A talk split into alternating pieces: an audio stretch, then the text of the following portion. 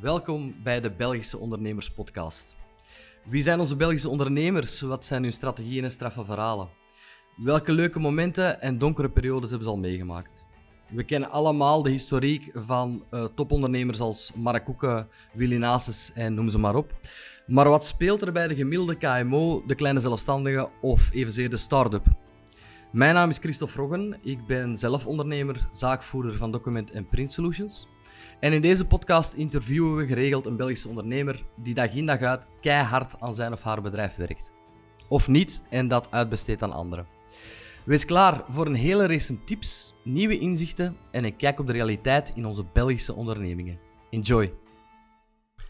Hallo, welkom bij een nieuwe aflevering van de Belgische Ondernemers Podcast, aflevering 54 als ik me niet vergis. Ik heb mijn cijfer vergeten op te schrijven, maar dat gebeurt iedereen wel eens. Het zal wel correct zijn. Wij hebben vandaag een onderneemster aan de andere kant van de digitale lijn. En hoe zal ik het hier omschrijven? Het, is, het, is, morgen 1 september, hè, op dag van opname. En de meeste mensen met kinderen, die zijn allemaal terug van congé, van verlof, van vakantie geweest. De gelukzakken zonder kinderen die zullen nog wel vertrekken, maar daar gaat het nu even niet over. Dus laat het ons toch maar uitgebreid hebben over nieuwe vooruitzichten in het reislandschap. En ik, heb altijd een, een, enorme bewondering gehad voor mensen met een, een, een, reisbureau, travel agency. Zeker de luxe reizen, want ik heb zoveel vragen vandaag. En die gaan wij stellen aan uh, mevrouw Mirjam van Noten van Ayoka Travel. Welkom Mirjam, sorry voor die lange inleiding. Geen probleem, dankjewel Christophe. Ik ben blij dat je hebt uitgenodigd trouwens. Met, met, met alle plezier Mirjam. Uh, het is eigenlijk ook een, een sector die nog niet aan bod is gekomen in die 54 afleveringen. Ik ga het bij 54 houden. Dus um, welkom. En mijn eerste vraag is steeds, altijd, welke sector dan ook, hoe gaat het met jou? Hoe gaat het met mij? Wel, uh, eigenlijk moet ik wel zeggen, supergoed. Dus hoewel eens even deugd dat we dit jaar ook nog ontdekken hebben waarvoor we echt staan. Dus op dat vlak uh, is het allemaal een beetje terug los aan het lopen, wat we toch wel een hele tijd gemist hebben. Dus uh, ja, super enthousiast tegenwoordig. Ja. Voilà, voilà, voilà. Heel goed om te horen. Laat ons direct de olifant in de kamer uh, benoemen. Hè? Je hebt even een periode gehad, zoals alle reisagencies en trouwens heel veel sectoren, van miserie met dat vies virusbeestje. We gaan het er maar heel kort over hebben, want niemand wil daar nog iets over horen. Maar ja, dat moet wel even een klap geweest zijn. Ja, was wel op zich genomen. Um, nu, ik denk dat de meeste echte reisspecialisten, ik zal ons even zo noemen, um, dat we echt wel zo in januari, februari al een beetje door hadden van wat gaat er hier allemaal op ons afkomen. Ik heb daar ook een aantal klanten op voorbereid toen die een tijd. Dat je ook wel weet, ik ga een aantal boekingen inmaken, want dit komt niet goed. Um, en waarop dat we echt wel zo beslissingen hebben genomen last minute van oké, wat is het beste voor de klant? Maar uiteindelijk konden we dan te horen van dit gaat niet weken duren, dit gaat maanden duren, uiteindelijk worden dat jaren. Um, dus op zich is dat absoluut heel veel miserie geweest. Ja. En dan ook niet alleen voor ons natuurlijk in de sector, maar grotendeels voor de klanten. Hè.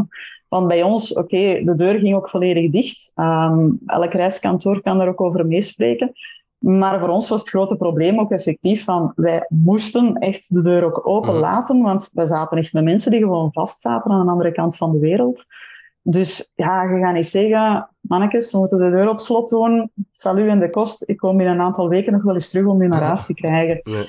Dat zijn dingen die gewoon totaal niet kunnen. En ja, die workload op die moment was maal drie, maal vier. Um, Oké, okay, je kreeg meer werk. te geraken. Ja. ja, uh, ik ben toen verzopen in het werk met gewoon ook... Het was niet altijd uh, alle klanten aan de overkant van de wereld nog zaten, maar ook al die mensen die hun geld hadden betaald om toch op vakantie te gaan, van ja, recupereer dat geld maar overal terug. Yes. Of voorzie een nieuwe reis. Maar is dan ook duidelijk gebleken van, ja, nieuwe reizen. Ik heb reizen gehad die ik vijf keer terug herboekt gehad heb. Ja. Maar je kunt niet tegen die klant gaan zeggen van, ah, nu gaat ook eens vijf keer meer betalen of wat dan ook. Ja, nee gaat niet. Dus je zet alles aan het doen voor hetzelfde budget, terwijl dat je eigenlijk twee jaar niks hebt binnengekregen.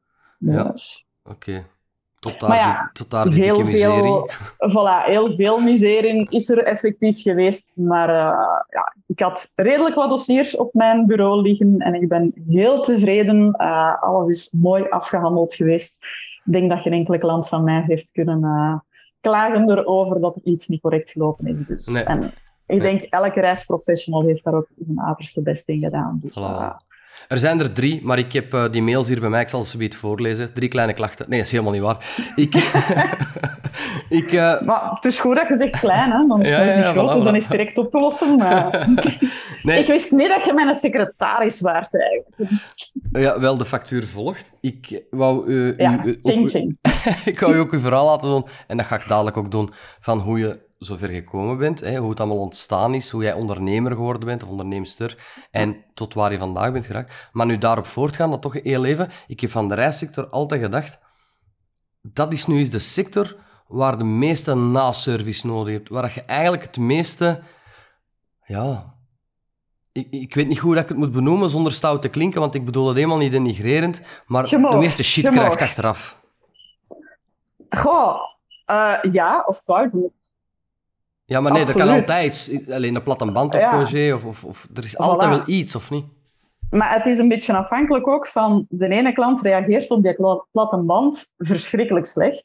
Die beginnen te roepen, te tieren en die zouden u door de telefoon sleuren om toch naast hun die platte band te komen oplossen. Terwijl de andere klant heeft um, een platte band voor, krijgt buikgriep op vakantie, strompelt dan nog eens ergens over een trapje, blijkt dat uh, de gids hun taal niet gemakkelijk spreekt of wat dan ook, en die blijven lachen. Mhm. Terwijl je dan zoiets hebt van, ja, jullie hebben reden tot slecht gezien te zijn, terwijl anderen, maar ja, dan is het aan ons om natuurlijk, en dat is echt wel iets waar ik ook voor sta, om dan echt te zeggen van, bij ook de start, bij mij start de reis uh, in mijn achterhoofd van, kijk, nu hebt je reservatie gemaakt, maar dat is voor mij niet, en nu stopt het dan, is het effectief, nu begint het pas. Dus ook zo van, het minste dat er dan ergens qua probleem zou opduiken, en met probleem bedoel ik dan voornamelijk de vragen die bij de mensen in de achterhoofd zitten. Mhm. Want voor hun zijn dat problemen die opduiken opeens. En dan is het aan mij om natuurlijk die dingen te verlichten en daar echt van in te zeggen van, ja, maar ja, dat gaan we zo doen, of dat gaan we zo doen, of daar hebben we die mogelijkheid, of die mogelijkheid. Dus het grootste ding waar dat ik echt wel van hou, zijn mensen die gewoon ook echt interactie met je hebben, nog voordat ze op reis vertrekken. En die toch hun bedenkingen ook nog op tafel durven leggen. Want je hebt ook heel veel mensen die doen mondje dicht, die vertrekken en dan komt het boven. Ja. Ja, dan kunnen we niet ingrijpen natuurlijk. Dan is het effectief van, oké, dan proberen we het wel te plaatsen op te lossen. Maar hm, Um, maar nadien, inderdaad, moet er ook nog veel geregeld worden. Zijn er ook nog altijd dingen waar dat wij soms van zeggen van, allee, hoe kan dit nu, hoe kan dat nu? Nu, het zijn soms belachelijke zaken, zoals uh, iemand dat iets vergeet in de kluis van zijn hotelkamer. Hm. Hoort er allemaal bij. Dus dat zijn zaken. mijn, mijn, mijn, mijn, wederhelft is uh, deze vakantie mijn t-shirt in de droogkast vergeten. Dus die hebben ze vanuit Frankrijk opgestuurd. Ja, het zijn domme dingen, maar het, het, overkomt iedereen, zelfs de beste, zeg ik dan. Hè? Ja, maar dat is ook zo, absoluut. Um, ik denk, maar voor mij is dat een voordeel, want je zegt gewoon rats vergeten dat je ergens op vakantie vaart. Dus ja. kijk goed. Klopt. Um, dus allee, ja, op zich genomen, ik ben altijd wel, en dat vind ik echt een meerwaarde ook van, van reisagenten zoals ik zelf dat je er echt moet zijn voor je klant van A tot Z. En het stopt pas wanneer dat je klant achteraf ook kan zeggen van kijk, en nu is het echt wel volledig goed geweest voor ons. Is, Compleet afgerond. hey, wanneer gaan we nog eens mee gaan op reis? Oké. Okay. Allee, ik ga niet mee, hè. Nee, ah nee, dat is er niet bij. Eh, is dat 24-7? Ja. Wauw. Ik maakte daar vroeger heel veel reclame rond, van 24-7. Ik probeer dat nu een beetje in de schuif te duwen. Gewoon omwille van het feit dan heb je nog altijd mensen die om vier uur s'nachts opeens wakker worden, die mij een bericht sturen. Ik heb daar op zich geen problemen mee, maar mijn telefoon ligt wel 24-7 naast mij, want ik kan ook iemand in Peru hebben zitten die wel een probleem heeft overdag in Peru. Ja. Dus dan heb ik wel een probleem dat ik dan zo krijg, bijvoorbeeld een berichtje van uh, iemand dat bijvoorbeeld om vier uur s'nachts zegt van ah, zeg, kunt je nog eens even kijken of we half pensioen in ons hotel er kunnen bijpakken? Ja, zet dat op mail. Voor hoefde mij geen sms of geen WhatsApp voor te sturen. Nee. Um, maar effectief, dus 24-7 in geval van, ja, is er iets aan de hand van de andere kant van de wereld. Dat is ook de reden waarom dat ik eigenlijk vroeger uit de reisbureau ben gestapt. Omdat ik zoiets had, die deur gaat dicht om 7 uur s'avonds. Maar ik heb nog klanten zitten aan de andere kant van de wereld. Ik wil die ook kunnen verder helpen als die deze nacht hier een probleem zouden hebben. Ja. En dat gaat niet echt als je op een gewoon standaard klassiek reiskantoor bent. Dat is gelukkig ondertussen ook al wel wat soepeler geworden en die beginnen ook met noodnummers en toestanden. Mhm. Maar op dat vlak is Mirjam een beetje pitje precies. Ehm, en het autisme misschien dat in mijn achtergrond ook in mijn hoofd zit. Waardoor ik zoiets heb van, ik wil die controle houden. Ik wil dat die klant naar mij een bericht stuurt en dat ik er direct op kan antwoorden indien nodig. Intensief. Dat wil niet zeggen wat dat ik niet slaap of wat dan ook. Want sommige mensen denken dat ik echt zo 24 uur op mijn dag met mijn gsm bezig ben. Uh, jawel, ik slaap. En dat is ook de reden waarom ik tegen mijn klanten zeg, reageer ik niet binnen het kwartier, belt me dan even. Ja, Want dan ja. slaap ik echt wel en dan word ik er niet van wakker. Oké, ja. Dus- Ja, Dat klinkt maar, allee, ja, dat is zo'n beetje hetgeen dat ik voor mezelf heb voorgenomen. Van, dat is de reden waarom dat ik ook zelfstandige geworden ben. Ehm, nu toch al dik tien jaar geleden, denk ik. Ja, wacht, daar gaan we ineens op inpikken. Vertel, hoe is dat hier allemaal ontstaan? Ja. Hoe ben jij, ja, hoe ben jij Wel, Mirjam is geboren op 3 Nee, nee, nee, december. nee, nee, nee, nee, nee, nee. Bij uw leeftijd verklapt Mirjam, dat doet er niet in een podcast. Nee, het is daarom dat ik stopte met december. Hè, maar. Nee, hoe ben jij op het idee gekomen om in deze sector te stappen? Ehm, hoe ben jij op het idee gekomen zelfstandig te worden? Hoe is het zaadje geplant en uitgegroeid tot Ayoka Travel vandaag? Hmm, hele lange vraag, dus ook lang, lang antwoord. Laat ik. volledig gaan, we hebben tijd. Ah, oké. goed. Ehm, hoe is het ontstaan? Wel, als tiener moet ik zeggen dat ik altijd in de reisbrochures aan het kijken was. En eh, ik wou altijd de vakantiebestemming van het gezin thuis kiezen. Dus dan was dat eigenlijk, pijltje pik, dit zwembad vind ik leuk. Dus op den duur begint dat zwembad niet alleen prioriteit te worden, maar komen er andere dingen bij. En dan uiteindelijk ehm, heb ik het zelfs zo ver gekregen om toen vakantiewerk als 16-jarige in een reisbureau te gaan doen. Ehm, dus daar zijn een beetje de kriebels verder ontstaan. Toen heb ik echt gezien gehad van, ja, zo gaat dat aan zijn werk. En ja, het is niet alleen wat dat ik wil, maar wat dat iemand anders wil. En daar moet op inspelen. En dat vond ik echt wel heel leuk. Maar dan zat ik nog aan de andere kant van de medaille van medische sector interesseerde mij ook wel. Dus ik zat toen na het zesde middelbaar op eh, de tweestrijd van, ja, ga ik die medische kant op of die toeristische kant? Ehm, medische aspect zou dan eerder medisch secretariaat geweest zijn, omdat ja, papierwerk toch ook eerder mijn ding was. Ah ja, niet artsen zonder grenzen of zo. En dan de reizen en... Nee. Nee, nee, nee, oké. Nee, ik reis graag, maar ik ben niet de grootste avonturier. Je Oké. mocht mij absoluut in een boomhut zetten, maar zo de combinatie van zo'n artsen zonder grenzen, dat is dan echt wel back to basics, maar serieus back to basics, vooral voor de mensen ter plaatse. Ehm, zie ik mezelf niet zo direct in. Nee, oké. Dus medisch Oh, paparassenwerk ja. of reisbureau. Voilà. Het is dan Ja, een beetje naar het reisbureau gegaan. Uiteindelijk handelswetenschappen gaan studeren en dan zo de optie verder gedaan richting eh, toerisme en dan nog verder hier- richting eh, reiskantoor. Direct ook mijn stage daar gedaan en blijven plakken. Daar komt het een beetje op neer. Dus eh, heb ik mijn eerste jaren ervaring opgedaan. Ben ik ook gewijzigd van reiskantoor naar een grotere stad. Ik zoiets had van, ik wil mijn kennis nog wat verder verruimen en toestanden. Ehm, ook bij een grotere keten gaan werken, omdat ik dan ook het gevoel had van, hier merk je ook veel meer dan één bepaald plaatselijk kantoor. En dan uiteindelijk had ik er compleet genoeg van. Oké. Dat is zo echt ineens in mij opgekomen van nee, wellicht misschien de iets minder goede baas gehad. Ehm, combinatie van klanten die wat moeilijk gedaan hadden. En ik had het compleet gehad. Ik was klaar om in een Aldi aan de kassa te gaan werken. Ehm, ik heb mijn ontslag ingediend en ik ben beginnen kijken van wat interesseert mij nu wel in mijn leven. Ik denk dat ik toen 7, 28 jaar was, dus ik was nog tamelijk jong. Ehm, ben ik bij Kinepolis terechtgekomen. Daar ben ik eh, assistant manager geworden. Heb ik heel veel verantwoordelijkheid gehad, waardoor dat ik echt met 100 mensen onder mij alles aan het besturen was en toestanden. En had ik zoiets van, deze is gewoon de max. Ik vind dat kei tof dat ik alles kan regelen. En daar is een beetje het ding ontstaan van, waarom word ik zelf niet zelfstandige? Ja. Omdat ik echt zo het gevoel had van, die verantwoordelijkheid wil ik ergens ook wel dragen en nemen. Ehm, en dan ben ik uiteindelijk, denk dat ik twee, drie maanden bij Kinepolis aan het werken was, maar dat ik toch terug de kriebels voor de toeristische sector kreeg. en dat ik zoiets had van, ja, ik kan dat toch niet missen.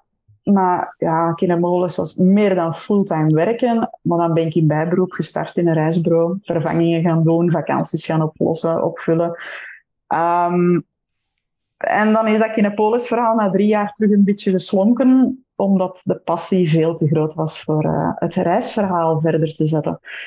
Dus volledig terug in de reissector terechtgekomen, maar ook als volledig zelfstandige. En dan heb ik in het reiskantoor waar ik toen ben gaan aankloppen, hebben we een afspraak gemaakt van kom, we willen iets nieuws op de markt brengen. En dat is dan geboren als zijnde reizen aan huis. Oké. Dus ik heb het nu over een tijd waarin in een reisbureau werken echt zoiets was van mensen komen naar een reisbureau, moeten twee, drie uur wachten op hun stoeltje en dan is het hun beurt. Dat is een tijd waar ik het nu over heb. Ja. Dus wij hadden toen ontwikkeld van kijk, we gaan gewoon wanneer dat het die klant uitkomt, tot bij de klant thuis.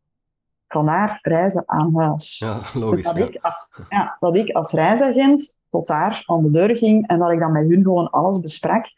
Ehm, wie trekt je daar het meeste op aan? Ja, dat zijn zelfstandigen. Ja. Of managers die effectief zoiets hebben. Overdag heb ik geen tijd om daar twee, drie uur in een reisbureau te gaan wachten tot mijn tour is. Dus daar is dat volledig ontwikkeld. Ehm, maar daar heb ik mezelf een beetje verbrand. In de zin, dat werd maar meer, dat werd maar beter, dat werd groter. Waardoor ik op den duur zoiets had. Ja, dat reisbureau lag al dik half uur rijden van mijn voordeur. Die mensen die daar dan natuurlijk een contact mee hadden met dat reiskantoor waar dat we dan reizen aan huis mee ontwikkeld hadden, ja, die vroegen dikwijls om s'avonds om negen uur, om tien uur langs te komen. Terwijl, ja, ik zat dan een hele dag op dat kantoor. Dan zat ik soms een uur, twee uur daar niks te doen. En dan kon ik nog naar een klant daar gaan rijden. Dat is op den duur niet meer haalbaar als je dan zoveel klanten hebt. Dus we hebben toen uiteindelijk alle twee gezegd, de manager daar en ikzelf, van kom, onze wegen gaan scheiden. Ehm, ik heb toen gezocht om van thuis uit te beginnen Mhm. heb ik gezien gehad van oké, op welke manier kan ik dat het beste doen? En mijn enige deal met die persoon in kwestie van het andere reisbureau was, ik mag geen enkele klant meenemen. Dus dat was voor mij natuurlijk ja, logisch, want Ja. was de persoon in kwestie zijn klantenportefeuille en voor mij was het zoiets van, ja, nou oké. Uh, maar ik wil die uitdaging aangaan. Ik heb wel de werknaam Reizen aan Huis mogen behouden, omdat het toch wel ook mijn ontwikkeling was en mijn kindje was. Dus vandaar dat ik echt uh, dan ja, iets daarna begonnen ben met Reizen aan Huis. Van aan mijn klein kantoortje binnen in huis. Oké. Um, Meer in jouw eigen regio dan? Uh, ja, absoluut. Nu, die beginjaren is ook zo geweest van, ja, je begint bij de buren te horen, je begint bij familie en vrienden te horen. Maar uiteindelijk zit je in Knokkenhijst ook aan boeken, ben je in Asselt aan boeken. Dus ergens genomen is dat concept van reizen aan huis beginnen verwateren, omdat heel veel mensen ook zoiets hadden van, ik heb nu geen tijd voor u, uh, laat ons alles gewoon per mail regelen. Okay. Mijn klantenbestand begon ook echt aan te groeien, want het kan meer. Um, ik had Door me dan ook ondertussen... Sorry, ja, puur mond aan mond. Enkel mond aan aan mond mond. reclame. Ja, Damn. enkel mond aan mond. Ik heb heel veel zaken geprobeerd van uh, advertenties te plaatsen, postkaartjes in brievenbussen te gaan steken en toestanden, um, magazines te ontwikkelen en naar bepaalde doelgroepen te sturen. Dat werkt niet. Mensen moeten echt weten wie is Mirjam, wie is zij van A tot Z, wat doet zij. En je bent met grote budgetten bezig, dus vandaar dat mensen echt zoiets hebben van we willen toch wel zeker zijn, want het gaat over die week of die twee weken vakantie op een jaar waar we zo hard voor gespaard hebben. Ja. Dus we willen dan toch wel zekerheid dat het in orde is. Maar ze moeten ook wel Um, weten dat je bestaat, natuurlijk. Voilà. Dus ik heb mij toen ook echt aangesloten bij een groep, uh, meer genaamd Travel Experts. Mhm. Dat is eigenlijk een groep zelfstandige reisagenten die samen vloeien en één groot hoofdkantoor hebben.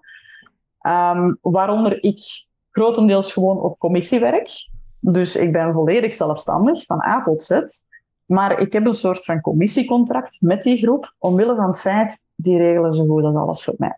Ja. Dus voor mij is dat echt een super enorme meerwaarde in die zin. Um, ik zit van A tot Z, ik moet geen enkel contract regelen, ik moet niks van betalingen regelen. Dat gebeurt bij ons allemaal eigenlijk volledig nationaal. Um, ik kan niet elke bestemming kennen. Ik kan ook niet elke bestemming zien in het leven. Ook elke bestemming wijzigt geregeld. Ja. Dus op dat vlak is het ook heel moeilijk om als individu op die markt uw plaatsje te kennen.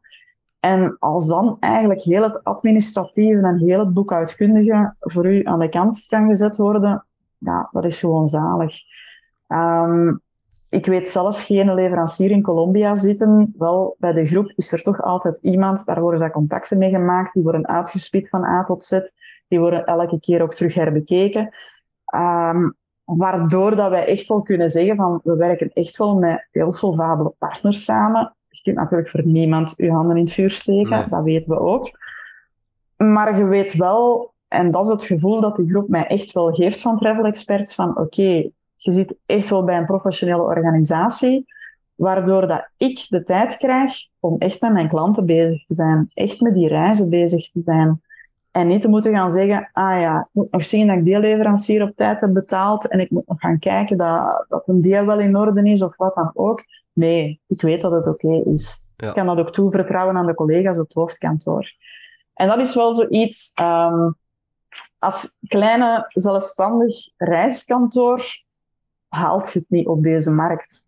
We hebben dat nu ook gemerkt met eh, heel de COVID. Ik ga dat woord toch uitspreken. Ja, ik dat Met heel de, ja, met heel de COVID-periode. ehm, daar zijn er die echt wel kunnen overleven. Maar ik heb bijvoorbeeld die budgetten niet. Ja. Dat gaat gewoon niet. Ehm, en dat is weer een heel groot voordeel aan de groep van travel experts. Dat is zo'n grote groep, die zitten er zo goed in, waardoor dat wij echt wel zoiets hebben gehad. Ik denk dat ik kan spreken voor elke travel expert. Dat we echt zoiets hebben van, oké, chapeau, al die wetteksten uitspitten en toestanden, weten van wat zijn wij verplicht naar ons klanten toe, wat zijn wij verplicht naar ons leveranciers toe, wat kunnen wij ons klanten geven, al dan niet. Je probeert altijd die klant als eerste te zetten bovenaan op die treden, Ja. maar mijn klein budget gaat dat niet. Want we hebben nu echt wel gemerkt dat wij heel veel mensen hebben moeten uitbetalen op bepaalde momenten, terwijl wij hebben dat geld nooit niet ontvangen van onze leveranciers. Dat zit nog overal ter wereld. Maar je hebt dan wel uiteindelijk de cashflow nodig en ja, de mogelijkheid om dat effectief te kunnen doen. Ja, ja, zeker. En als kleine garnaal gaat dat niet. Dat is En misschien... dat is echt de reden van, ja, dat ik ooit ook de beslissing heb genomen van wat als er ooit eens iets gebeurt. Ik kan dat financieel totaal niet aan.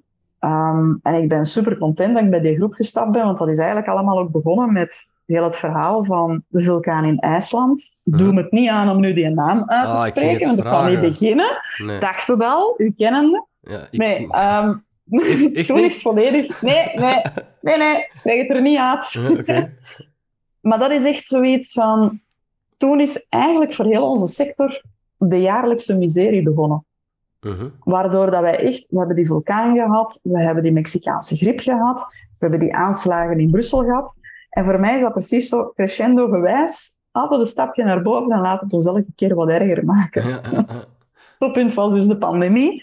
Ehm, maar dat zijn zo van die zaken. Moest er vijf, zes jaar geleden opeens die pandemie geweest zijn, ja, daar was ik zelf ook niet klaar voor geweest. Ik heb het ook nodig gehad van eerst de vulkaanuitbarsting te hebben, dan de aanslagen te hebben. Ja, dat is nu, klinkt verkeerd van dat te zeggen, ik had de Nee, aanslagen nodig, maar ik bedoel voor grote problemen op te lossen. En ik merk dat ook aan collega's die bijvoorbeeld nog maar een paar jaar in de sector zitten. Die zijn in COVID in paniek geslagen. Ehm, maar dat is ook logisch. Die hebben die een ervaring. Ik zit meer dan twintig jaar in deze sector. Je weet waar dat je moet gaan trekken, sleuren, wie dat je onder druk kunt zetten, wie dat je niet onder druk kunt zetten, want daar moet je ook mee opletten. Ehm, dus dat zijn allemaal zaken waardoor dat je echt zo... En ja, die meerwaarde heb ik ook echt gecreëerd met bij travel experts te gaan. Dat ik echt zoiets had van, ja, ik voel mij veilig, ik voel mij goed. En ik kan heel mijn tijd steken in wat ik voor moet.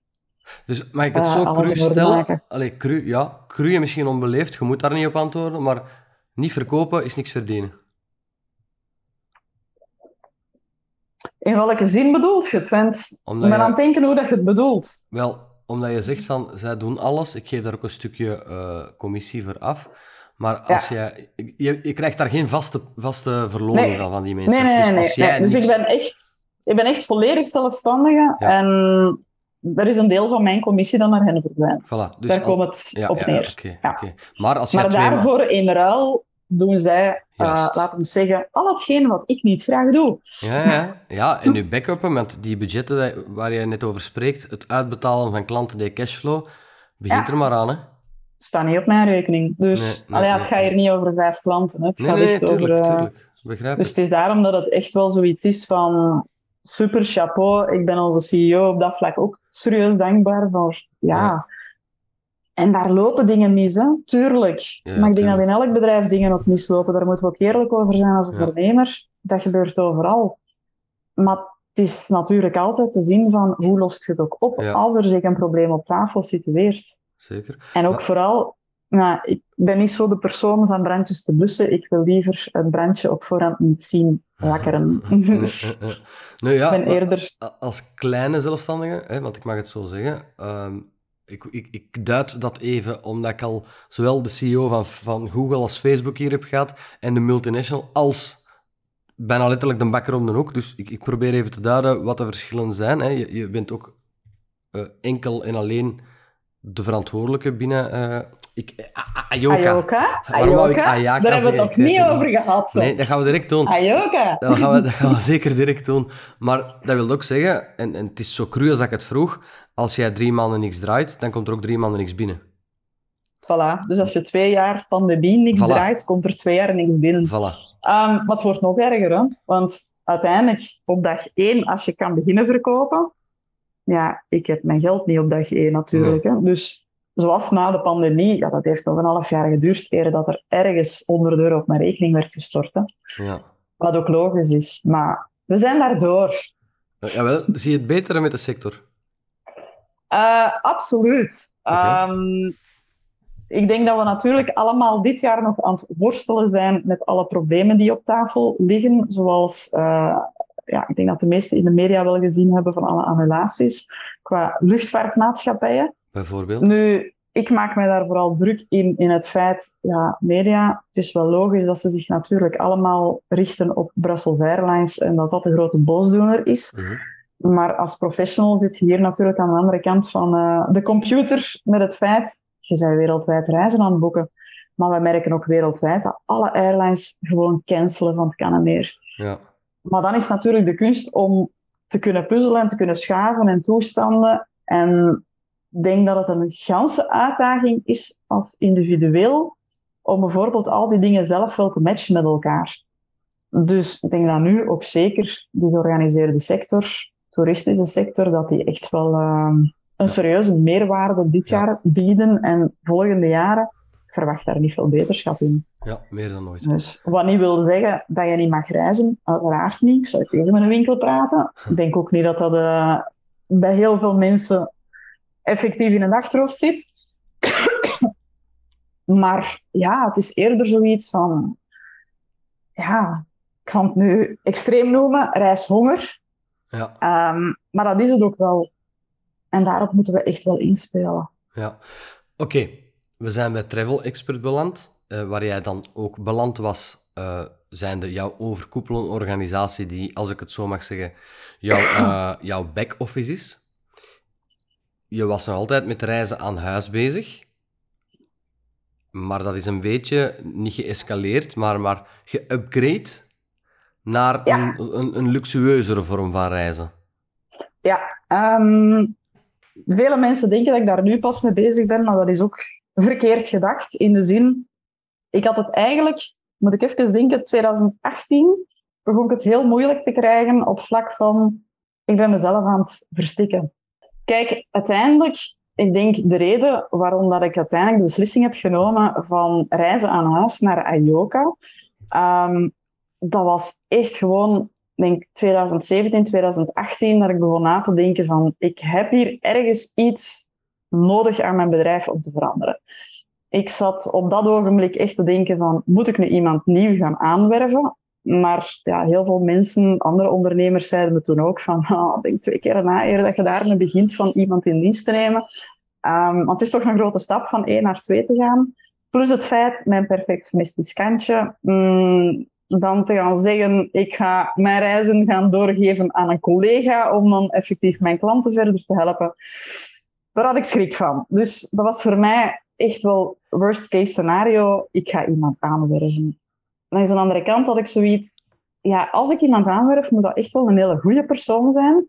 Ja, die gaat het één, twee jaar met mij volhouden en dan gaat hij zelf beginnen natuurlijk. Ah ja, hoe zot zou je anders zijn om dat geld te laten liggen en niet zelf te zeggen, ik ga zelfstandige beginnen. Ja. Ehm, dus op dat vlak had ik zoiets van, oké, dat is geen optie, dus ik ga de andere kant nemen. En dan was het echt gaan kiezen van, ik moet mij gaan specialiseren. Ehm, voor mij was het belangrijk van echt de reizen die ik bijvoorbeeld zelf niet graag doe, of de bestemmingen waar dat ik geen feeling mee heb, om daar al echt nee tegen te zeggen. Ik maak nog altijd uitzonderingen in de zin, skireizen zijn totaal mijn dat niet. Oké. Ehm, dus die doe ik niet. Een cruise, ik vind dat zo'n specifieke wereld. Daar moet echt zo'n grote specialist voor zijn. Ja. Heb ik zoiets van, mm, die garnaal bij mij in mijn hoofdje is daar veel te klein voor. Dus de mensen die aan mij op een cruise vragen, ofwel werk ik samen met een andere travel expert bijvoorbeeld daaraan, ofwel zeg ik van, ja nee, sorry, maar dat doe ik allemaal niet. Ehm, omdat er nog zoveel wel aan te bieden is en dat ik nog zoveel wel mijn passie echt wel kan insteken. En dan had ik zoiets van, oké, als ik het op dat niveau nu ga doen en als ik ook kan zeggen van, kijk, ik kan echt het verschil niet meer maken in bijvoorbeeld, ik geef maar een voorbeeld, een viersterrenhotel all-inclusive in Loretta Mar of wat dan ook. Ja. Daar kan ik het verschil niet maken. Er zijn zoveel spelers op de markt. Wat haalt dat uit dat ik speler nummer 998 ben? Juist. Niks. En dan gaan ze voor 10 euro ergens anders betekenen, soms. Zoals voor een euro. Oké. En Ja, ja. dat is mijn cliënteel echt niet. En dat heb ik meer en meer beginnen inzien, waardoor dat ik echt wel toen de beslissing had genomen van kom, we gaan voor die upgrade binnen de zaak. We gaan reizen aan huis, wat ook op den duur, ja, dat is eigenlijk een beetje een spelletje geworden van eh, mensen die zelfs dachten dat ik een bepaald land tot bij u thuis bracht. Dus dat ik bijvoorbeeld paella-avonden organiseerde vanuit Oh. Spanje. Dus die naam begon compleet verkeerd te worden. Ik ging ook bijna nooit meer naar mensen thuis, omdat ik er de tijd niet voor had, omdat de mensen ook de tijd er niet voor hadden. Dus mijn naam sloeg ook op niks meer. Nee. Dus het was echt wel zo tijd, 2018 uiteindelijk, zo van, ja, dan moet ik echt die knopen gaan doorhakken. Ben ik daarmee begonnen. Eerst met een beetje de markt te verkennen en te doen. Ook te zien, waar wil ik me in specialiseren? Waar voel ik mij het beste mee? En dat was dan toch echt wel in dat luxe product, omdat we daar met travel experts ook wel heel sterk in staan. Ehm, en daar kunnen we echt verschil maken. Ja. Leg tien verschillende offertes van een luxe reis naast elkaar. Ik heb het nu over strandvakanties, even een safari, even een rondreis ergens. Maar in dat luxe segment, daar kan ik echt wel zeggen, daar maakt het verschil. Ehm, wij zitten met zoveel contacten ter plaatse in die landen zelf, waar dat ik dan echt zo iets heb van, ja, ik slaag altijd wel partners over, in de zin, ik neem direct contact op met iemand dat in Japan zit, om daar dan zaken mee te gaan regelen. Die mensen die wonen daar, die leven daar, die werken daar, Ja. die kennen hun land van binnen en van buiten. En dat is de reden waarom dat ik ook met hen in zee ga. En dat ik zoiets heb van, dat haalt niet veel uit dat ik hier naar een callcenter bel, waar dat de helft ook niet geweest is op die bestemming. Wellicht dan ook hetzelfde probleem hebben als ik. Maar je kunt ook niet elke bestemming kennen. Dus Wat en is dat mag niemand u ook niet kwalijk nemen. Ik vind nog altijd, we zitten echt in een sector. Het is niet altijd meer zoals twintig jaar geleden, waar dat je de kennis moest hebben over de landen. Uiteindelijk, uw klant is slimmer geworden dan jijzelf. Internet. Die ja. is gefocust op, ik wil naar die bestemming. Die heeft, zoals dokter Google, is het ook eh reismanneke Google met Aha. de reiskoffer. De klanten weten dikwijls gewoon veel meer dan wat dat je zelf weet. En oké, je maakt af en toe ook wel de verschillen met uiteraard de kennis dat je zelf nog extra hebt gedurende al die jaren en die ervaring dat je hebt. Ehm, maar elk land verandert ook geregeld. En dan is het zoiets van, ik ben niet van mening, het is wat dat je kent, maar eerder wie dat je kent. En dat Oké. is een hele belangrijke in onze sector. Het is echt zo, ook voor dingen gedaan te krijgen, al is het bij een airline, al is het bij hun huurwagen, al is het wat dan ook, het is wie dat je kent. Ja. Als ik bijvoorbeeld ook, want we hebben bijvoorbeeld, ehm, dat gaan weinig mensen ook weten, denk ik, we hebben een Facebookpagina met allemaal reisagenten over gans België. wij zitten daar intern met allemaal reisprofessionals. Mhm. Maar als wij eens een vraag hebben waar we geen antwoord op weten, dan smijten wij dat in de groep. Ja, zijt je iemand waar nog nooit iemand over gehoord heeft en nog nooit iemand anders heeft kunnen verder helpen, dan ga je wellicht ook geen antwoord krijgen op je vraag, als je er ooit eens in hebt. Maar dat is zo'n echte groep waar dat echt controle ook op overgehouden wordt. Daar zijn echt een aantal mensen die daarop toekijken van wie zit hier wel in en wie zit hier niet in. En ja, daar wordt echt verder geholpen van A tot Z, wat dat je ook nodig hebt gewoon in deze sector. Ja. Want ja, nogmaals, het is geen afgeleid product. Het is een product dat wereldwijd is en dat constant in beweging is. Ja. Dat Eh, vergeten er veel, denk ik. Dat dat constant er verandert, heel veel. constant in beweging. Ja. Want jij bent Ja, uiteindelijk... Ja, zeg maar. Ja, ik wil eigenlijk zeggen, ik heb ooit eens het verwijt gekregen van een klant van waarom dat hij zo lang op zijn offerte van Thailand moest wachten. Dat Ik had van Thailand. Ja. Lang. We zitten op dag drie na de vraag dat je gesteld hebt. Ik vind dat niet lang, want ja, ik neem dan ook altijd met mijn leverancier verplaatsen contact op. Die stuurt mij een voorstel. Ik stuur terug van nee, deze zie ik die klant niet doen, of we moeten Ja. daar wat aan. Dan is dat beginnen kneden en beginnen puzzelen. Dat is waarom dat ik mij ook een reisarchitect noem, omdat ik dan echt begin te puzzelen en alles in elkaar begin te steken. Ehm, en dan heb ik zoiets van, oké, die klant die verwacht op drie dagen tijd een offerte. Maar die heeft toen bijvoorbeeld echt letterlijk tegen mij gezegd, dus toch gewoon uit de schaaf pakken en mij voorstellen? Nee, ik begin voor elke klant vanaf nul. Ja. Je hebt je basis zitten hè, van oké, Thailand, wat is Thailand voor mij? Wat is dit, dat, zus, zo. Maar dan begint die aankleding en die aankleding is echt persoonlijk op elke klant iets anders. Ik heb hier ook, want we zitten nu bijvoorbeeld in mijn kantoor zelf, ik heb hier geen enkel kast met brochures. Hè. Nee. Wel met Is- veel rommel, maar niet met Ja, nee, nee, brochures. je ziet het niet, je ziet het niet. Maar is dat, is Omdat dat wat het, het, het, het luxe segment maakt? Dat je het vanaf nul op maat kneedt, die reis? Is dat wat het luxe maakt? Ja, buiten het budget natuurlijk. Maar is dat het grote verschil? Ja en nee. In die zin, met het luxe segment kan je dat doen. Juist. Met die vier sterren, Lorette Maar, kun je dat niet doen. Want je hebt de tijd niet om daarmee bezig te zijn. En je moet onder de prijs van je concurrent gaan gaan. Ja. Ik heb liever collega's in de plaats van concurrenten. En dan is het verschil van, oké, ja, waar kunnen draaien aan de knopjes dat er moeten aangedraaid worden natuurlijk. Hè. Maar in dat luxe segment is dat gewoon handiger om dat mogelijk te maken. Dat wel. Want ja, in het, laat ons zeggen, Jan met de pet reizen, kun je ook gewoon het verschil niet meer maken tegenwoordig. En is dat echt gewoon prijsstrategieën van het kan niet meer. Ehm, mij moeten ze ook kiezen voor het feit dat ik er wel sta. Zeg, en dat is nu misschien een rare vraag, alhoewel. Heb jij een constant een instroom van vragen en offertes en, en verkopen? Of is dat echt weer seizoensgebonden? Zie je dat vooral naar de zomer toe? Of is dat non-stop? Zijn er periodes waarbij dat je absoluut zeer weinig te doen hebt? Of is dat niet meer zo? Ehm, vroeger was dat wel zo. Ja. Maar de laatste vijf, zes jaar denk ik toch wel dat ik echt kan zeggen van dat is een gans jaar door. Het enige dat ik voornamelijk voel, is dat zo de maanden september, oktober, dat zijn de meest kalme maanden. Dat zijn de slechtste beursmaanden, hè? Dat is normaal. Voilà. en al die kinderen moeten naar school, dan Ja, ja, ja. uiteraard. nee, voor ons is dat zo... Heel veel prijzen van zomerseizoen van het volgende jaar komen binnen eind oktober, begin november. En dan beginnen die klanten na te denken over hun vakanties. Oké. Dus mijn hoogseizoen, en dat voel ik ook wel, is november, december, januari. Dan is het verzuipen en dan kan het zelfs zijn dat mensen tien dagen, soms zelfs twee weken, op een voorstel moeten wachten omdat de aanvragen gewoon immens zijn. Maar dat is omdat dan eigenlijk de prijzen allemaal beschikbaar zijn. Ook de luchtvaartmaatschappijen die maken hun seats beschikbaar, mogelijk om te boeken, ook goede tarieven, Oké. voor dan het zomerseizoen dat erop volgt Juist. er zijn heel weinig mensen in verhouding. Daar wordt wel de meeste reclame rond gemaakt, maar er zijn heel weinig mensen in verhouding die last minutes boeken. Ja. En ik ben er alleen maar tevreden over, want ja, mensen zijn meer met een vroege korting dan met een last minute boekingen. Ja, ja, tuurlijk, tuurlijk. Dus het feit, met een last minute moet je al gaan kijken, oké, wat is er over? Dat kan iets heel goed zijn dat iemand anders geannuleerd heeft, waardoor dat het terug vrijgekomen is op de markt. Ja. Maar voor hetzelfde geld is het ja, de overschot. Hè? Ja. En als je dan van uw werkgever bijvoorbeeld van maandag tot maandag weg kunt, ja, dan kun je mijn voorstel van dinsdag tot dinsdag niet aanvaarden, want je bent niet bij terug. Klopt, klopt.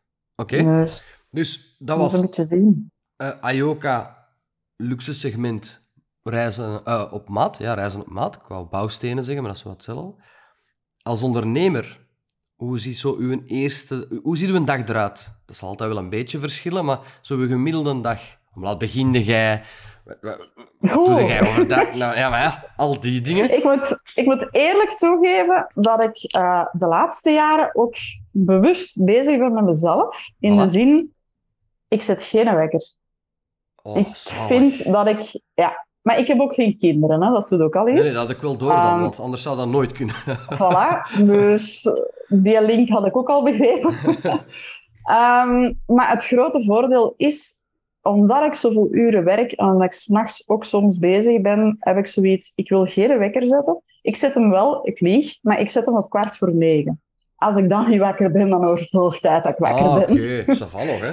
Maar ik hoor mijn wekker eigenlijk nooit. Dus, maar gemiddeld, ik denk dat mijn werkdag start, gemiddeld genomen, pakt half acht Ah, toch wel? dan ga ik, ja, dan ben ik meestal al aan de slag. Ah, Ehm, dat is voor mij ook een kalm moment, omdat heel veel leveranciers gaan pas tegen 9 uur open. En ja, dan heb ik al redelijk wat kunnen verwerken. Ehm, maar meestal begin ik rond half acht. Ja. Nu, eigenlijk begin ik al in mijn bed. Wanneer ik gewoon opsta, dan is dat direct je gsm bekijken om te zien, ik heb toch geen bericht gemist van de waar Ja, ik doorgeslapen heb. ja. Dus dat is zo het eerste. Ehm, dan is het meestal een nieuwspagina dat ik open doe voor te zien welke bom is er ergens ontploft in de wereld, want dan ga ik daar zelfs telefoonnummer krijgen. Juist. Dus ehm, niet om te weten wat dat er eh, ergens besproken is in de Vlaamse politiek, dat kan mij worst wezen, maar ik wil gewoon op de hoogte zijn van, ja, je moet gewoon je moet weten wat er in de wereld afspeelt, Juist. want gegarandeerd krijg je daar vragen om. En als je dan natuurlijk zegt, oei, ik heb nog geen nieuws gezien vandaag, ja, dat pakt gewoon in en dan val je weer van je stoel van, ai, kan het toch niet, hè? Nee, ja. Ehm, dus uiteindelijk, ja, pakte ik gemiddeld rond half acht van start ga. Ik heb mijn mailbox zo goed als een ganse dag openstaan.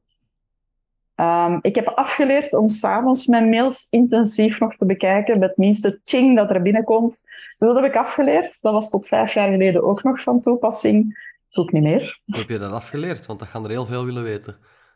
Ehm, voornamelijk met een hond in huis te halen en dat je je schuldig voelt om de hele dag die hond te zien slapen en weinig ermee bezig te zijn. Ja. En toen had ik zoiets, en s'avonds is het een beurt aan de hond om toch wel eens even verwend te worden en samen met baasje leuke dingen te kunnen doen. Oké, top. Dus, en uiteindelijk, ja, om acht uur ligt hij te slapen in de zetel, hè. maar Ja, dan En- heb je zoiets van, oh, laat maar. ja, ja. Ik doe die mailbox niet. Nee, maar uiteindelijk ook mijn vaste klanten weten ook van als er iets is, stuurt mij een WhatsApp. En ja, daar leef ik wel mee. En een WhatsApp reageer ik wel. Maar een mail moeten ze me s'avonds niet sturen om antwoord op te krijgen. Ik zal het zo zeggen. Nee, nee, dat is gezond. Eh, Want anders Tenzij dat je natuurlijk, voilà, tenzij dat je natuurlijk overdag met bepaalde zaken geconfronteerd wordt, waarop dat je zegt van laat mij straks zeker nog iets weten. Ja, dat weet ik wel, dat ik die nog in doog hou. Ehm, Dus dat hangt er een beetje vanaf wat dat de situatie is. Maar een normale dag van Mirjam, nee, dan gaat die gsm met de mailbox aan de zijkant. Ja, terecht, terecht, terecht. Zeg, en, Het en- enige waar dat ik mij eigenlijk wel in verlies, en dat moet ik ook eerlijk toegeven, ehm, mijn mailbox staat constant voor mijn neus en ik ben elke keer aan het kijken. hè. Dus ik mag bezig zijn in een dossier, komt daar een pop-upje van er is een nieuwe mail binnen, dan kan ik switchen naar die volgende mail. Ik ben op dat vlak een multitasker e-mailgebruiker. Ehm, tot vervelens toe, want eigenlijk is dat niet de beste oplossing. Dat het weet ik helaas ook. het lukt wel, het het lukt. stoort niet. Het stoort niet. Ik heb alleen maar het probleem dat als ik het niet doe, ja, dan is dat perfectionistisch kantje er weer zo van, ik heb die mensen niet zo snel mogelijk kunnen verder helpen. En terwijl dat ik zoiets heb, want bepaalde dingen kun je wel een paar uur aan de kant Ja. schuiven, misschien iets waar ik op dit moment mee bezig had, en deze mens vraagt nu net iets, of weet ik bijvoorbeeld van, oh, die heeft maar even tijd tussen twee shiften in, of wat dan ook, dus ik ga meer op antwoorden. Ehm, of ook leveranciers waar je van denkt, ja, daar gaan we nog vijf keer over en weer en die heeft even een vraag. Dan moet je er tussendoor pakken. Ik ben ergens wel jaloers, in zekere zin, op reisagenten die gewoon kunnen zeggen, wij doen onze mailbox open, s morgens om negen uur en om één uur bekijken we die nog eens. Ja, dat kan ik ook niet, hè. Dan denk ik, halleluja, hoe doe je dat? Maar ik kan dat niet. Ik zou niet weten, als er iemand een goede tip heeft voor mij, laat het weten, maar ik zou niet weten hoe. Dat kan ik ook Maar ik sta er ook niet voor te springen, dus... Nee. Maar ik heb wel afgeleerd, want ik wil ook zien wat er binnenkomt constant, maar ik heb wel afgeleerd om direct te reageren. Dat Ja, niet meer. snap ik. Ja, begrijp ik. Je, je reageert ook uit emotie, hè, of dat nu positief of negatief is. Er zijn Ja. zelfs positieve mails dat ik soms teruglees dat ik denk, hm, is niet heel zakelijk geweest. Zo van, ja, dat had ik Ja, beter anders en aangepakt. die smiley had ook niet gemoeten. Ja. Nee, ja, dat heb ik wel Nee, afgeleerd. maar dat is wel een feit. Is- Maar ik laat niet graag mensen wachten. En ik heb dat bijvoorbeeld ook met ons hoofdkantoor. Ik weet, die mensen zitten daar voor mij om mijn administratie, mijn boekhouding, eigenlijk de shit dat ik niet graag doe, Huh? op te kassen. Als die dan een mail sturen van hé hey Mirjam, we missen nog factuur dat van die leverancier, kunnen we erachteraan?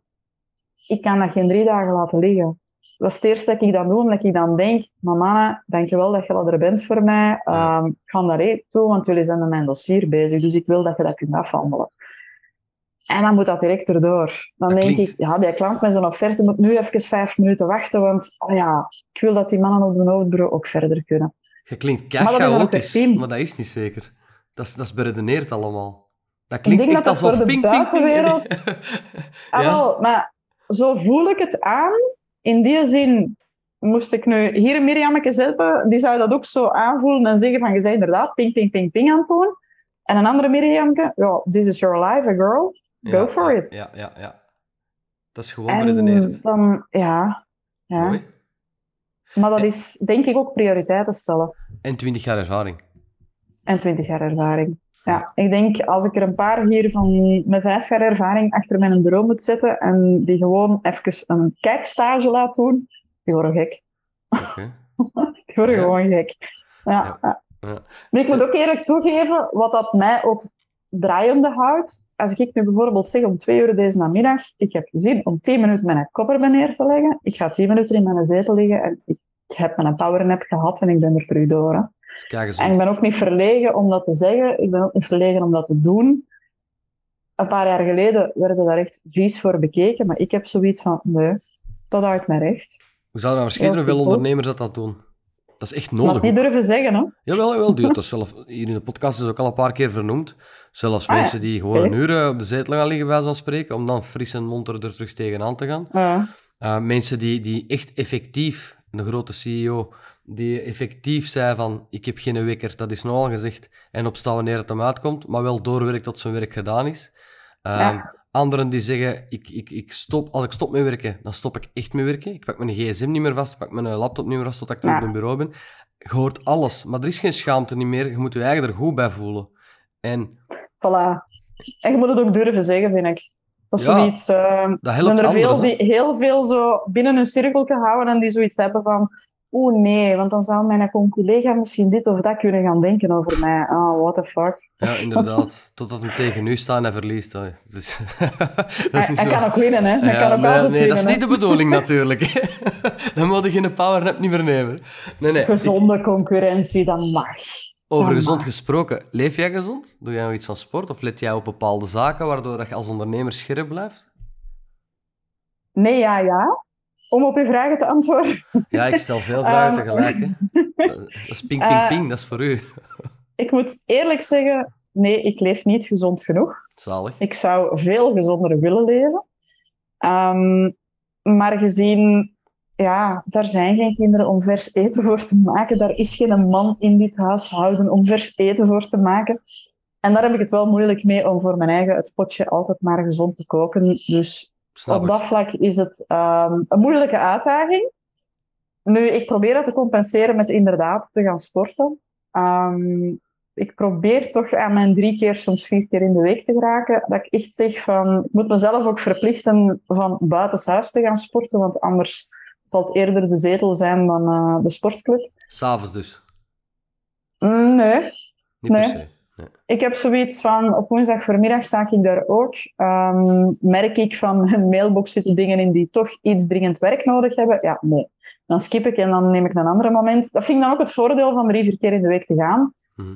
Ja, je kunt schuiven. Hè. Mhm. Voor mij is mijn enige, ik heb zo één moment van die vier per week dat ik echt zeg, dan plan ik ook nooit iets. Dat is mijn avond, plan ik echt niks.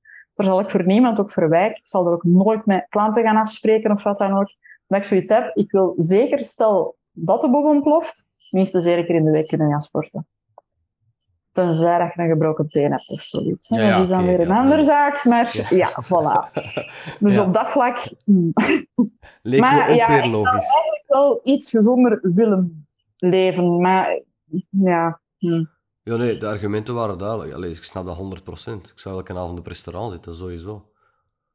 Maar daar hebben wij in de sector van toerisme geen geld voor. Met elke avond restaurant te zitten. Prospectie, hè, om die in de reisgidsen mee te betrekken.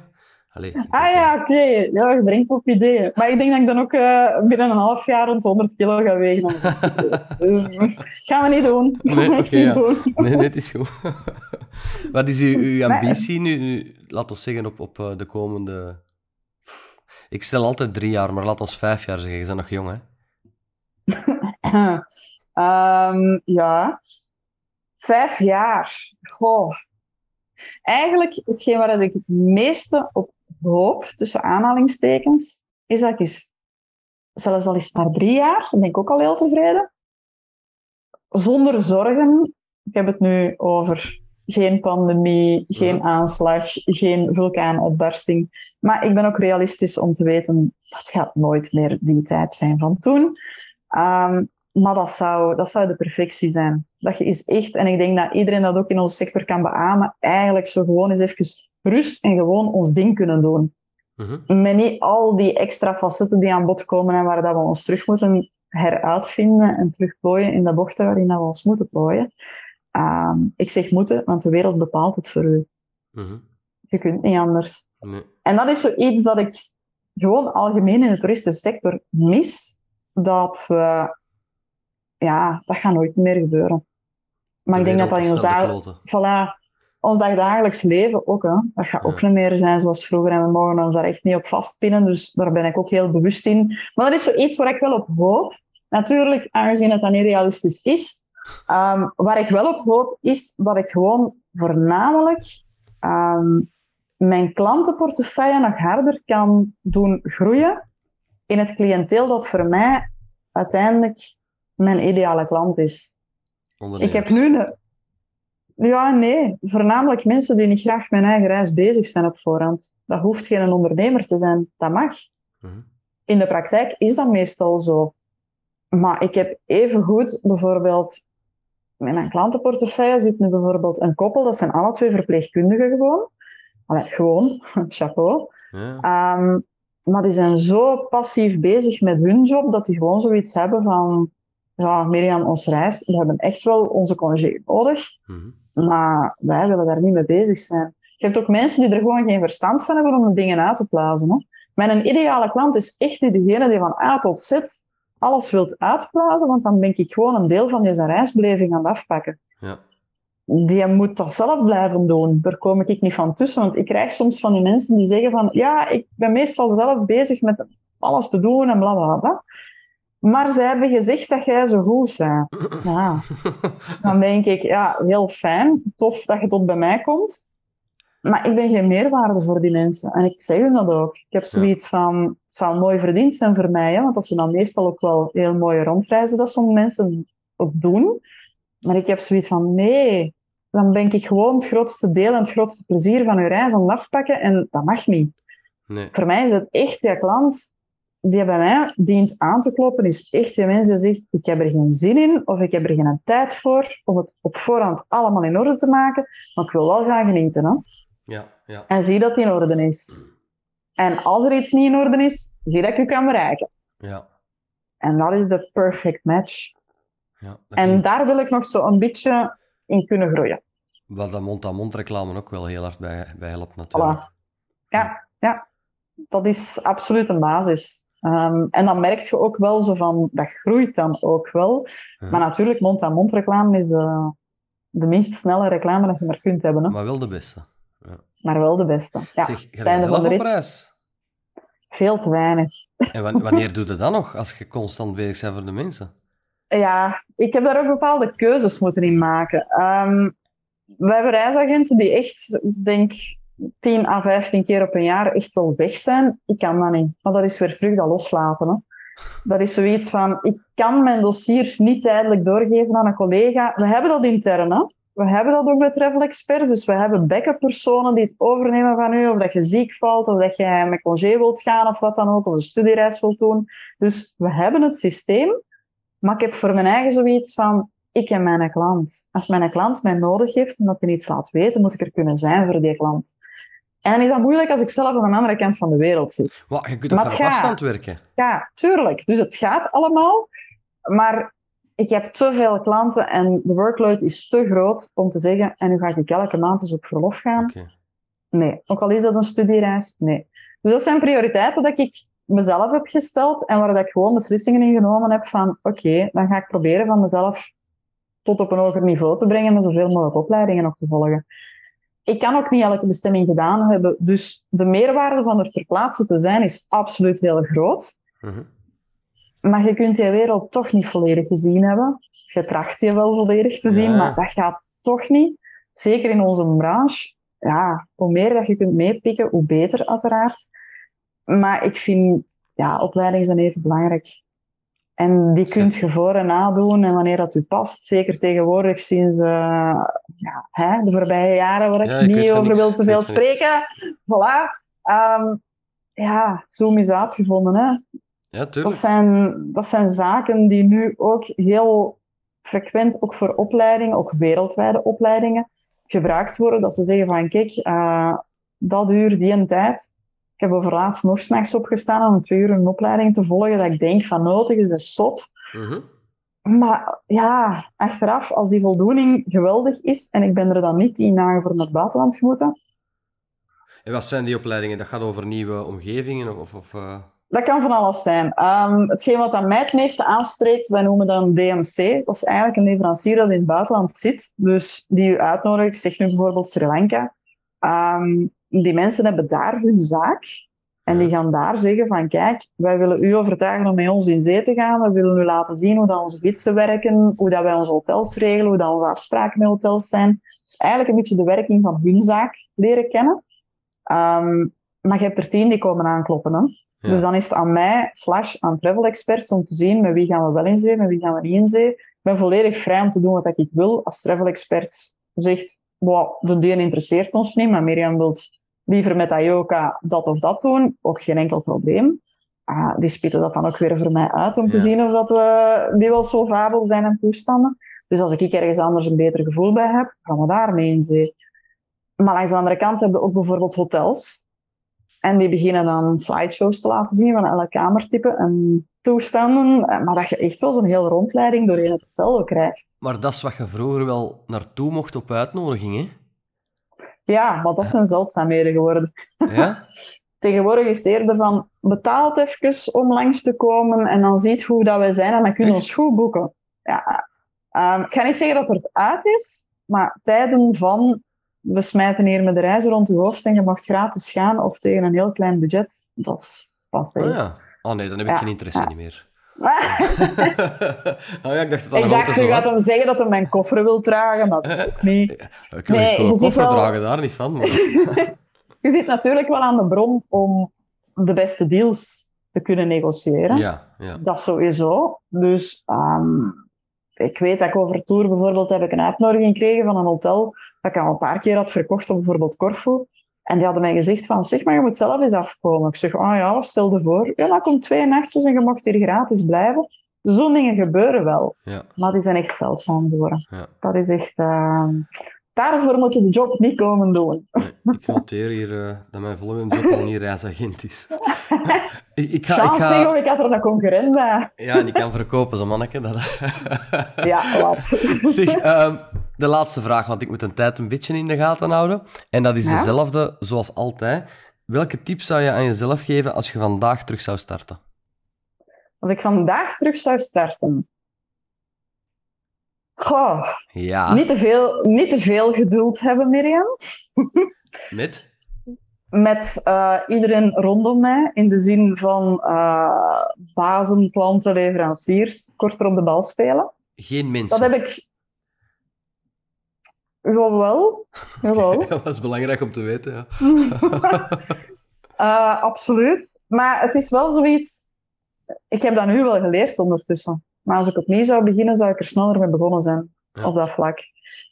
Ik heb ook totaal geen spijt om zelfstandige op een bepaald moment te worden. Dus moest ik het opnieuw doen, ik zou het sneller gedaan hebben. Zeggen ze allemaal. Ehm, ja, ik heb daar een beetje misschien de malchance gehad dat ik ouders heb die niet uit de zelfstandige wereld komen. Dus die houden nu daar dan ook een beetje in tegen. Ja. Ehm, wat niet verkeerd is, want ergens genomen, als ik weet wat ik nu weet, ik denk dat ik eigenlijk wel op het juiste moment zelfstandige ben geworden, in de zin de ervaring op te doen. Ehm, ik had dit niet gekunnen als zelfstandige als 21-jarige. Nee. Daar heb je niet genoeg ervaring voor. Dus op dat vlak, ja. Maar ik zou het leven van een zelfstandige wel vroeger aangekunnen hebben, ik zal het zo zeggen. Ehm, maar voor de rest, goh, moest ik het allemaal ook over opnieuw kunnen doen? Ik denk dat ik wel meer van mijn leven zou genieten ten opzichte van zoveel in mijn werk te steken Minder werken dan. Minder werken. En dat is de afbakening dat ik nu ook de laatste jaren gemaakt heb. Oké, in functie van mijn hond, maar dat ik voor mijn eigen ook wel zoiets heb van... Het leven is niet alleen werken, hè. Het leven Nee, zijn ook nog andere dingen. Terwijl dat ik wel het gevoel heb dat ik er constant ben voor mijn klanten. Ja. Ik ben er ook constant voor mijn klanten. Maar toch heb ik zoiets... Ja, er is meer dan werken. En... Ja. Dus ja, U- u- uw dat zou ik sneller aangepast hebben, Ja. moest ik eh, het opnieuw doen. Uw werk is uw vakantie eigenlijk. Ergens wel. Ja, ik heb niet echt het gevoel dat ik elke dag moet gaan werken, want anders had ik mijn wekker ook vroeger gezet. Hè. Ja, Dan, zou ik, dan zou ik ook het gevoel hebben van, ja, die wekker moet staan, want ik moet gaan werken. Nee, ik moet juist niks.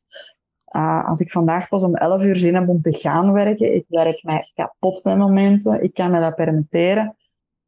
Ja, ik zal er totaal niet schuldig over voelen, terwijl dat 20 jaar geleden wel zo zou geweest zijn. Amai, maar dat is wel de titel van heel die podcast. Ik moet juist niks. Absoluut. Ik moet echt juist niks. Ja, maar dat is plezant, hè? Er, allee, er zijn mensen die anders, ehm, verplicht anders daarin staan, hè? Want je zegt, dat is anders dan 20 jaar geleden, maar 20 jaar geleden moest je juist alles. Dan kon je zoiets niet zeggen, hoor. En die vibe is nu aan het komen, maar niet iedereen kan dat op dit moment al zeggen. Ik moet juist niks. Ik zie wel, ik doe het op mijn tempo, ik doe het heel goed en heel hard en, en heel veel, maar wel op Ja, en mijn ik tempo. denk, voilà, op mijn tempo of op het tempo dat mijn bedrijf slash mijn klanten het nodig hebben. Ja, Maar het is niet dat daar iemand naast mij staat om negen uur s morgens uw deur moet open zijn. Hè? nee, Nee, echt niet. Echt niet. Haha, je moet eens reizigend worden. Ja, ja. Je vindt er maar terug in te lokken. eh, het wordt nog aangevinkt terug. Hè? Ja, misschien als stagiair een keer, ik zal wel eens zien. Ja, maar ik ga nu niet aannemen, hè, want het dient niet mee. Dat heb ik er straks al gezegd. Ik ben zelfstandig, hè. je kunt me buiten gooien wanneer je wilt. Ja, oké, deal. Mirjam, eh, ik ga even afscheid nemen van eh, de kijker en luisteraar. Merci alvast, maar ik kom direct bij u terug om u deftig te bedanken. Voilà iedereen, dank u wel om deze aflevering volledig uit te luisteren en of kijken. Het was een eh, aflevering over een sector die we nog niet hebben eh, mogen opnemen in deze podcast. Ik hoop dat je het heel interessant vond. Ik hoop dat je veel hebt bijgeleerd over de reissector en over Mirjam, Ik denk het wel. Ehm, je kan ons volgen op Instagram en Facebook, at Belgische Ondernemers. Je kan mailen naar info.belgische-ondernemers.be met opbouwende kritiek. Of als je wil meedoen, er is een wachtlijst, maar je weet het, eh, er wordt altijd geantwoord. En ik denk eh, dat ik nog moet zeggen dat er op LinkedIn ook een pagina is waar je de Belgische Ondernemers podcast kan volgen. Dank jullie wel om eh, erbij te zijn en graag tot een volgende keer. Mirjam, merci. Ik, ik, eh, dat, dat is het woord waar waar ik naar aan het zoeken was. Merci eh, om eh, ongebreideld en, en zo vlot en, en enthousiast uw verhaal te brengen. Ja, ja. Ik hoop dat je het zelf een beetje jij leuk bedankt. vond. Absoluut. Het was voor mij ook een sprong in het ongewisse, ik zal het zo zeggen. Want Ja. ik heb dit ook nog nooit niet gedaan.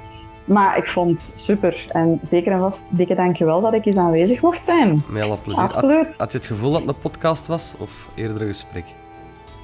Eh, ik heb die proberen in mijn achterhoofd te steken, dus Is goed, hè? Dat ja, is perfect. Dat is perfect. buiten het, buiten het gekuf.